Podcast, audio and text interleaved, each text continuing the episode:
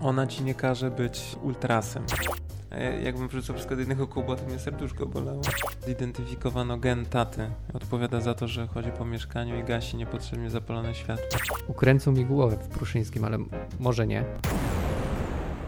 Dzień dobry, witam Was drodzy słuchacze i drogie słuchaczki w pierwszym odcinku podcastu Książka Najlepsza. Podcastu wydawnictwa Pruszyńskiej Spółka, podcastu, w którym będziemy rozmawiać o książkach, o nowościach, w którym będziemy zachęcać Was do czytania, do spędzania czasu z książką. No bo jak głosi tytuł podcastu, wierzymy, że książka jest najlepsza, jest najlepszym sposobem spędzania wolnego czasu.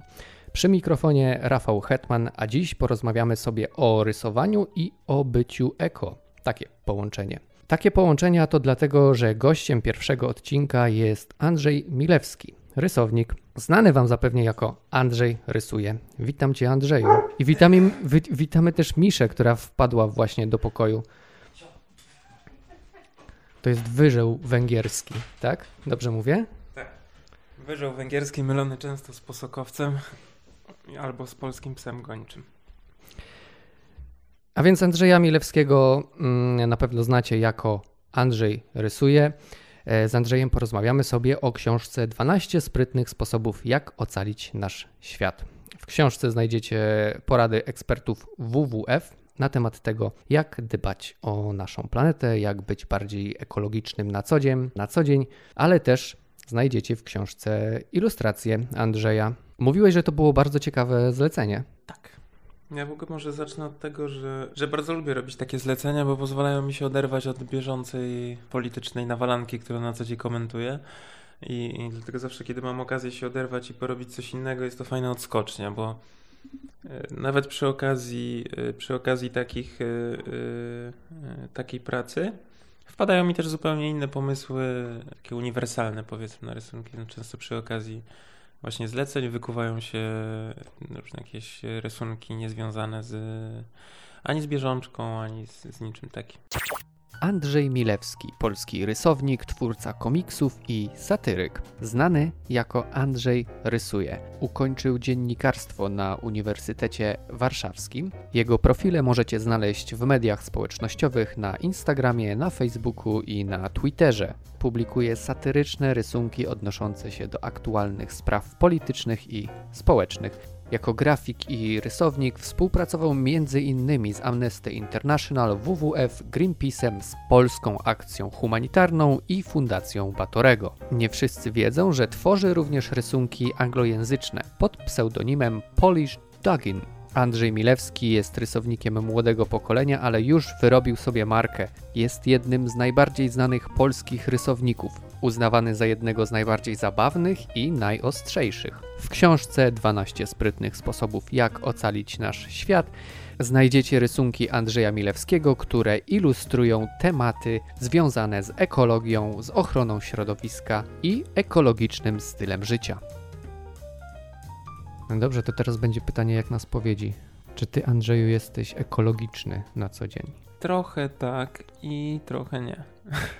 Znaczy, ta książka mi się spodobała, bo ona ci nie każe być yy, ultrasem, prawda? Czy jakimś fanatykiem.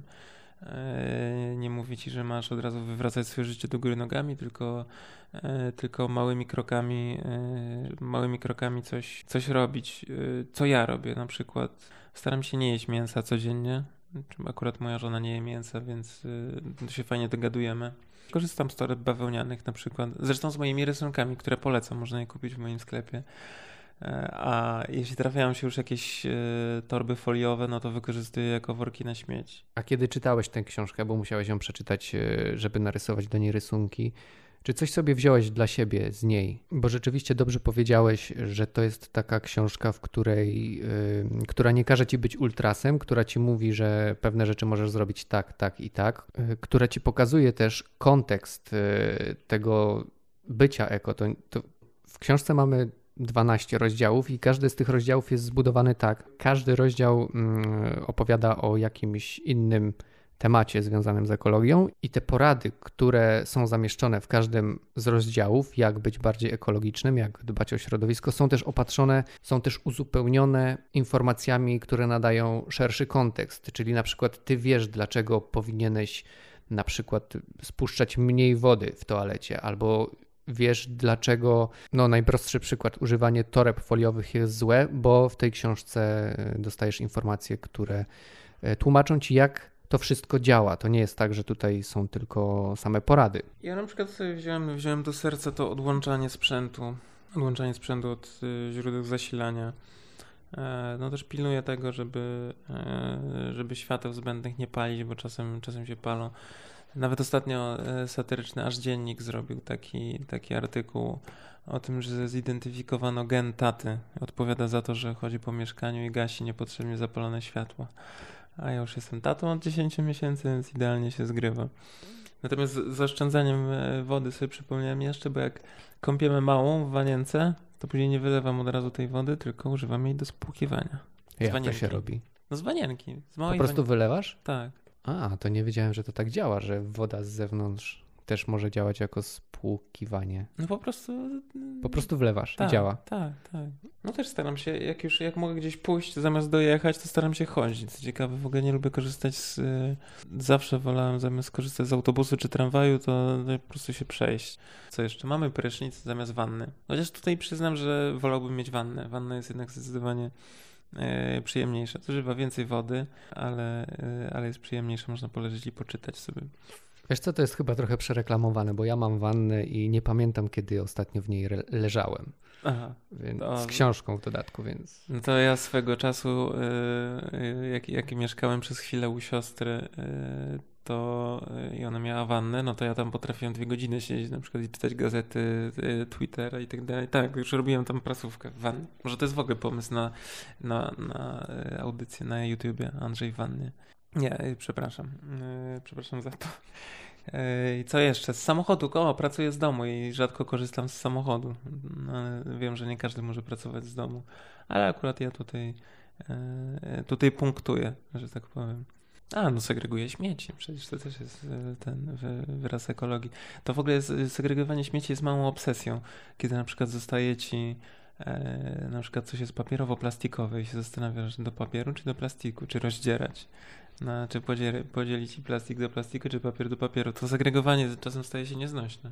Tak, no ja rozmawiałem niedawno z autorką innej książki o ekologii i stwierdziliśmy, że segregowanie śmieci to jest pewien rodzaju heroizm. Naprawdę trzeba być zdeterminowanym, żeby to robić tak, dobrze i, tak. i cały czas. Tak, ostatnio bardzo fajną kampanię zrobili z, z segregacją, kiedy zrobili plakaty, w których właśnie E, pisali o takich e, rzeczach e, trudnych do zasegregowania, o których wszyscy się zastanawiali. Na przykład, wy, to się chyba nazywa wytłoczki, nie wytłoczki, no takie od leków. Wytłaczanki. To, to co zostaje po lekach, opakowania A, po lekach. Blistry. Blistry, o, tak. Bo wytłaczanki tak. to są na jajka. Tak, tak, na jajka. Czyli te blistry, bo się zastanawia, ja bym wrzucił do metali, do tworzyw sztucznych i metali, a się okazuje, że to trzeba do zmieszanych. Tak. Po lekach.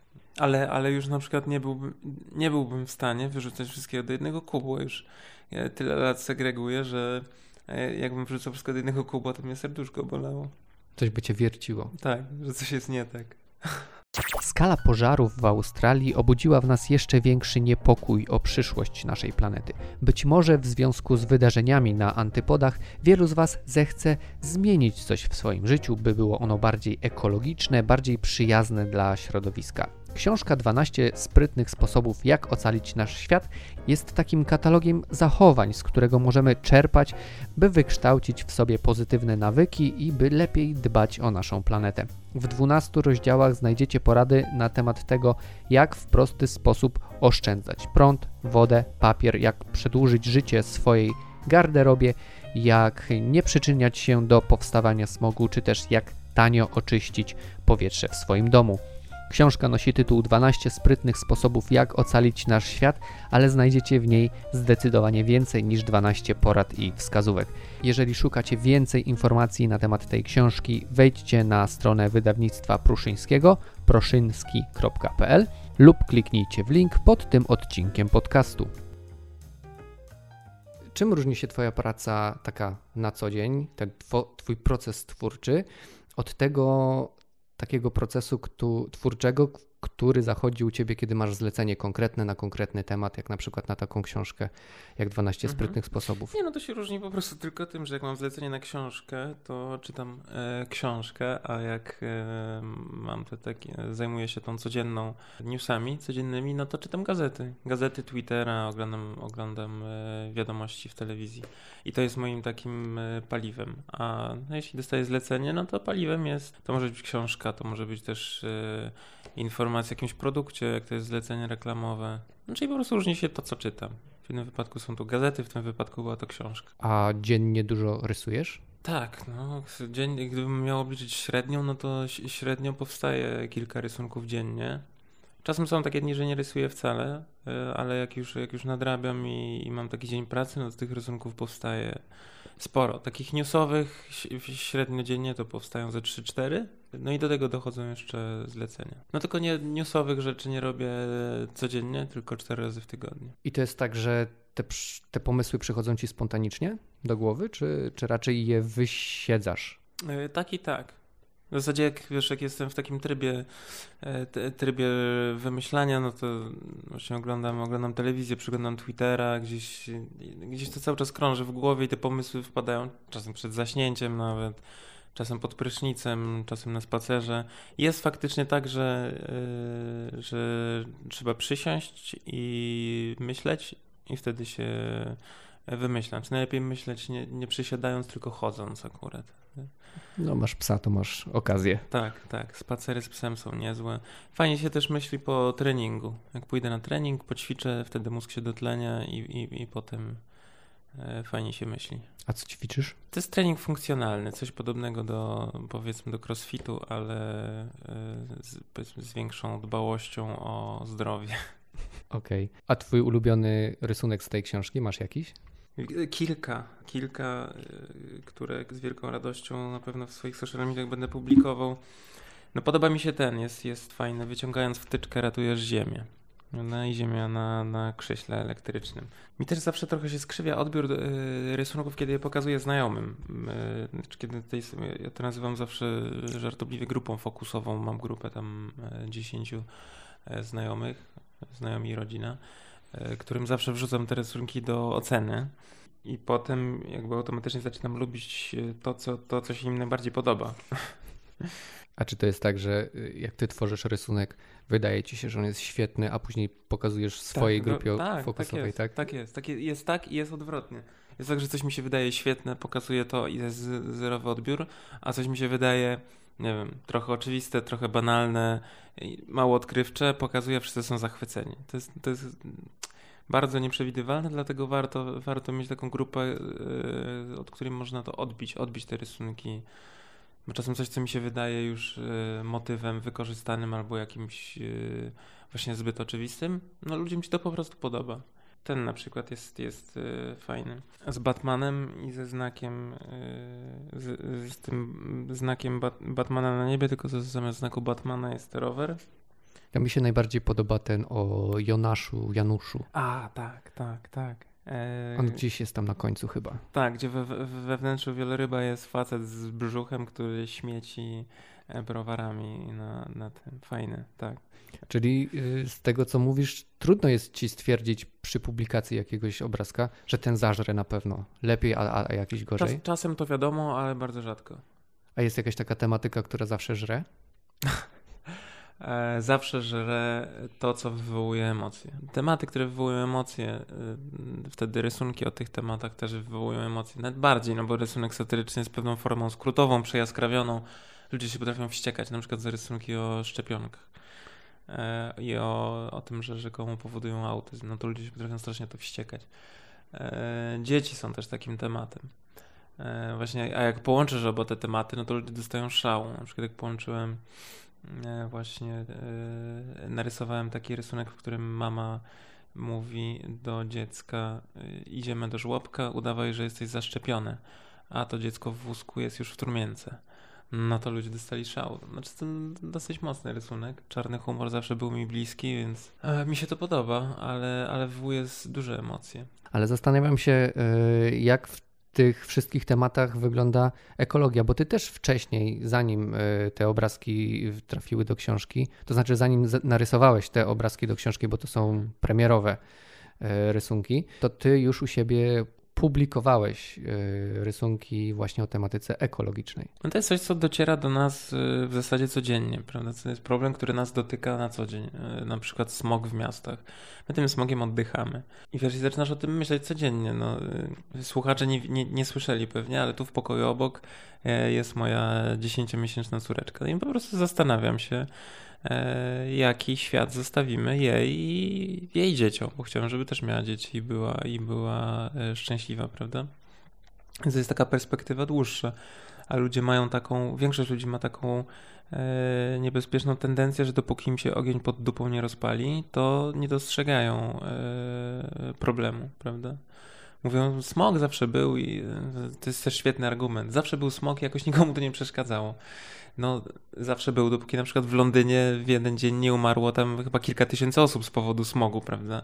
Że kiedyś ludzie, kiedyś to było, kiedyś ludzie jakoś żyli i nie umierali, prawda? Tylko śmiertelność noworodków na przykład była gigantyczna. Prawda? Miarą rozwo rozwoju, yy, jeden z czynników, którymi się mierzy y, tempo rozwoju jest właśnie umieralność noworodków. Albo szczepionki z kolei, prawda? Kiedyś nie było szczepionek i ludzie jakoś żyli. No żyli znacznie krócej, prawda? Tylko teraz się o tym, o tym nie mówi, albo kompletnie, kompletnie zapomniane już polio, prawda, które gdzieś tam w latach jeszcze w połowie y, ubiegłe, ubiegłego wieku zbierało żniwo, po prostu dzieci umierały na polio na przykład. I podobnie, i podobnie ze zmianami klimatu. No, wystarczy włączyć telewizję, żeby zobaczyć wszędzie efekt tego, czyli jakieś susze niespotykane, dotąd huragany, e, pożary Australii, na przykład gigantyczne też. Dzisiaj, dzisiaj też czytałem wywiad z klimatologiem, który mówi, że bardzo duże z bardzo dużym prawdopodobieństwem można powiedzieć, że to jest efekt właśnie globalnego ocieplenia, prawda? Czyli te, to widzimy na każdym kroku. A co robi e, nie wiem czy większość, czy połowa, ale znacząca część ludzi, no wyśmiewa nastolatkę, która, e, która próbuje, mm, e, próbuje o tym problemie opowiadać, prawda? Mówią, żeby, mówią, żeby gówniara wracała do szkoły. Miejsce dziewczynki jest w szkole, a miejsce kobiety w kuchni, jak dobrze pamiętamy, prawda? No i co mi zostaje? No mi zostaje zrobić tylko o tym śmieszny rysunek. Wyśmiać to. Jakoś zwrócić uwagę na problem może. Oczywiście się nie łudzę, że rysunki satyryczne mogą zmieniać świat, ale może mogą y, w jakiś sposób pomóc y, opowiadać o tym, co ważne. Właśnie tutaj bardzo dobrze zmierzasz do mojego drugiego pytania, y, które chciałem Ci zadać, bo mm, ta książka 12 sprytnych sposobów, jak ocalić nasz świat, to nie jest Twój pierwszy taki projekt, y, można by powiedzieć, z ważną ideą społeczną w tle. Y, nie, nie jedyny, w który się angażujesz. Ty się angażowałeś w wiele mm, różnego rodzaju projektów społecznych. No i chciałbym zapytać, czy Ty, y, jako projekt Andrzej Rysuje, masz jakąś misję, masz jakoś, jakiś cel? Mm, bo na Twoje rysunki najczęściej patrzy się z tej perspektywy, można by powiedzieć, takiej memiczno- satyrycznej. Mhm. E, ale ja widzę, że u ciebie jest ta idea. Mogę ci zdradzić, jak ja ją e, dostrzegam, ale chciałbym, żebyś powiedział też o swojej perspektywie. Wiesz co, ciężko mi powiedzieć, bo e, rysunek satyryczny ma przede wszystkim być zabawny, a dopiero w drugiej kolejności powiedzmy słuszny, tak? Czyli jeśli on ma przede wszystkim być słuszny, a dopiero później zabawny, no to będzie, to będzie zły rysunek. On ma przede wszystkim bawić. Jeśli się udaje przy okazji przemycić coś e, fajnego w rysunku, coś wartościowego, no to to jest super, idealna sytuacja. No ale nie zawsze się udaje. Rysunki przede wszystkim mają być śmieszne. Wyśmiewać, wyśmiewać głupotę ludzi, hipokryzję, e, całą tą taką e, ciemną stronę. No tak, ale mówisz wyśmiewać, a ja patrzę na to jako na zwracanie uwagi na hipokryzję, na głupotę. To też jest ważne. No tak, tak, tak. Tylko wiesz, hipokryzja i głupota od tego nie znikną na pewno. A jak to się zaczęło, że narysowałeś pierwszy rysunek i opublikowałeś go w internecie? Nie pamiętam dokładnie, nie pamiętam dokładnie jak to się zaczęło. Na pewno przez długi czas rysowałem do, do szuflady, ale, ale skąd się wziął pomysł, żeby nagle zacząć to publikować w internecie, to, to, to nie pamiętam. Na pewno znajomi, znajomi mi podpowiadali, że, że warto by było e, to pokazywać, że, że te rysunki nie są gorsze od tych, które się pokazują w prasie I, I warto by było. Znajomi mi też za, założyli fanpage na Facebooku. Wtedy to jeszcze były zamierzchłe czasy, kiedy jeszcze grupy, na grupach chyba to były grupy, a nie, nie fanpage, tylko grupy fanów. I zacząłem tam publikować i to, to mi się szybko bardzo spodobało, bo mm, to jest fajne narzędzie, które pozwala od razu zweryfikować, czy coś jest dobre, czy niedobre, prawda? Od razu masz informację zwrotną, bo jak się rysunek pokazuje w gazecie, e, kiedyś jak się pokazywało w gazecie, to nie było wiadomo, czy, czy to się spodoba ludziom, czy się nie spodoba. No, po jakimś czasie może badania czytelników robili, ale to wydłużone i takie nie, nie, nie, niekonkretne. To dużo szybciej informacja zwrotna przychodziła. E, oczywiście ma to swoje plusy i swoje minusy, prawda? Bo ta nieustan, nieustanna presja bycia ocenianym e, stresuje po prostu też. A ta twoja charakterystyczna kreska skąd się wzięła? Co na, na, na przestrzeni czasu się jakoś tam ukształtowała. Ja pamiętam, że, że na początku yy, te rysunki były zupełnie czarno-białe i rysowane strasznie niedbale, bo wtedy jakoś nie miałem, yy, chyba ich za bardzo tak nie, nie lubiłem. Znaczy musiałem dopiero się przekonać, że one się ludziom podobają, żebym sam zaczął je lubić. Jeszcze też taką lekcję z internetu wyciągnąłem yy, ciekawą, że ludzie mało, mniejszą wagę przywiązują do formy, w jakiej jest to pokazane, a znacznie większą do treści. E, czyli wiesz, mogą to być, jeśli pomysł jest dobry, to może to być przedstawione za pomocą najprostszych możliwych środków, czyli wiesz, kółka i trzech patyków, które symbolizują ludzika. Jeśli jest w tym jakiś, e, jakiś pomysł. A jak dopieścisz, namalujesz po prostu, nie wiem, co na płótnie wielkim, piękny, dopieszczony obraz, ale nie będzie w nim e, żadnego przekazu, no to i tak to nie chwyci. Więc ja się skupiałem na tym, żeby, żeby pomysły były dobre. A forma z czasem, znaczy z czasem zacząłem dostrzegać, że ta forma ma znaczenie, prawda? chociażby przy, przy zleceniach reklamowych, gdzie lepiej, żeby rysunek był kolorowy i ładnie narysowany niż niedbale, prawda? Tak, poza tym twoja kreska jest twoją marką, tak jak... E, tak, tak, już teraz, e, teraz właśnie te takim, wydaje mi się, że motywem rozpoznawalnym u mnie są zawsze te, te duże białe głowy bez, bez mimiki. To jest taki, taki znak rozpoznawczy, chociaż Mógłbym powiedzieć, że mi się zawsze wydawało, że mam dużą głowę i łysą przez większość czasu, więc w sumie takie autoportrety cały czas rysuję. To jeszcze cię zapytam na koniec o twoich mistrzów o rysowników starego pokolenia. Na kim się wzorujesz, kto cię inspiruje? Wiesz co, nawet w Wikipedii pod, e, zauważam, że nawet w Wikipedii pod, e, przy notce mojej napisali, że moim mistrzem jest e, Marek Raczkowski. No i no, od zawsze jego rysunki mi się, mi, mi się jakoś szczególnie, szczególnie podobały na tle innych. Oczywiście wszyscy pozostali są są świetni, prawda? Czyli wszyscy, których, którzy funkcjonują w tej przestrzeni E, medialnej, czyli Mleczko, Sawka, prawda, Janek Koza e, i też jeszcze mnóstwo innych. E, znaczy, o ile, o ile jeszcze poczucie humoru Marka mi się podoba najbardziej, o tyle ostatnio coraz, coraz bardziej jakby podglądam i, i podoba mi się podejście biznesowe Andrzeja Mleczki, prawda, bo E, jest bardzo fajny przykład monetyzacji, e, monetyzacji e, działalności, twórczości, takie amerykańskie podejście, typu, że, że umiesz coś robić i jeszcze umiesz to sprzedawać, co jest rzadkim połączeniem, prawda? Tak, jeżeli chodzi o, mm, Raczkowskiego, to mi się wydaje, że ten jego humor jest taki najostrzejszy.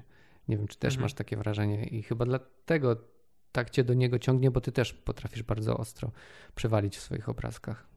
Znaczy, to jest taki sposób też trochę yy, postrzegania świata, może, nie wiem. Yy, na przykład ten, tak jak wcześniej mówiliśmy o tym czarnym humorze, no i ten czarny humor po prostu jest dla mnie naturalny. To jest naturalny sposób radzenia sobie z rzeczywistością. Dla niektórzy na przykład tego nie lubią, no dla niektórych, powiem ci na, na przykładzie, na przykład jeśli niektórym się rodzi, rodzą się dzieci, to ich przestają śmieszyć już żarty o, e, o pedofilach na przykład. Uważam, że to już nie jest śmieszne, no bo mają dzieci, prawda? E, natomiast albo ich nie śmieszą żarty o w ogóle wyśmiewające dzieci. No ja zrobiłem taki rysunek jakiś czas temu o tym, jak uspokoić płaczące dziecko, prawda? I tam był, na, na rysunku był E, chyba e, gorąca kąpiel uspokoi na 20%. Suszarka, dźwięk suszarki uspokoi na 40%, e, a na 100% uspokoi suszarka wrzucona do wanienki, prawda? I, I to jest tak, są dwie różne reakcje na ten rysunek.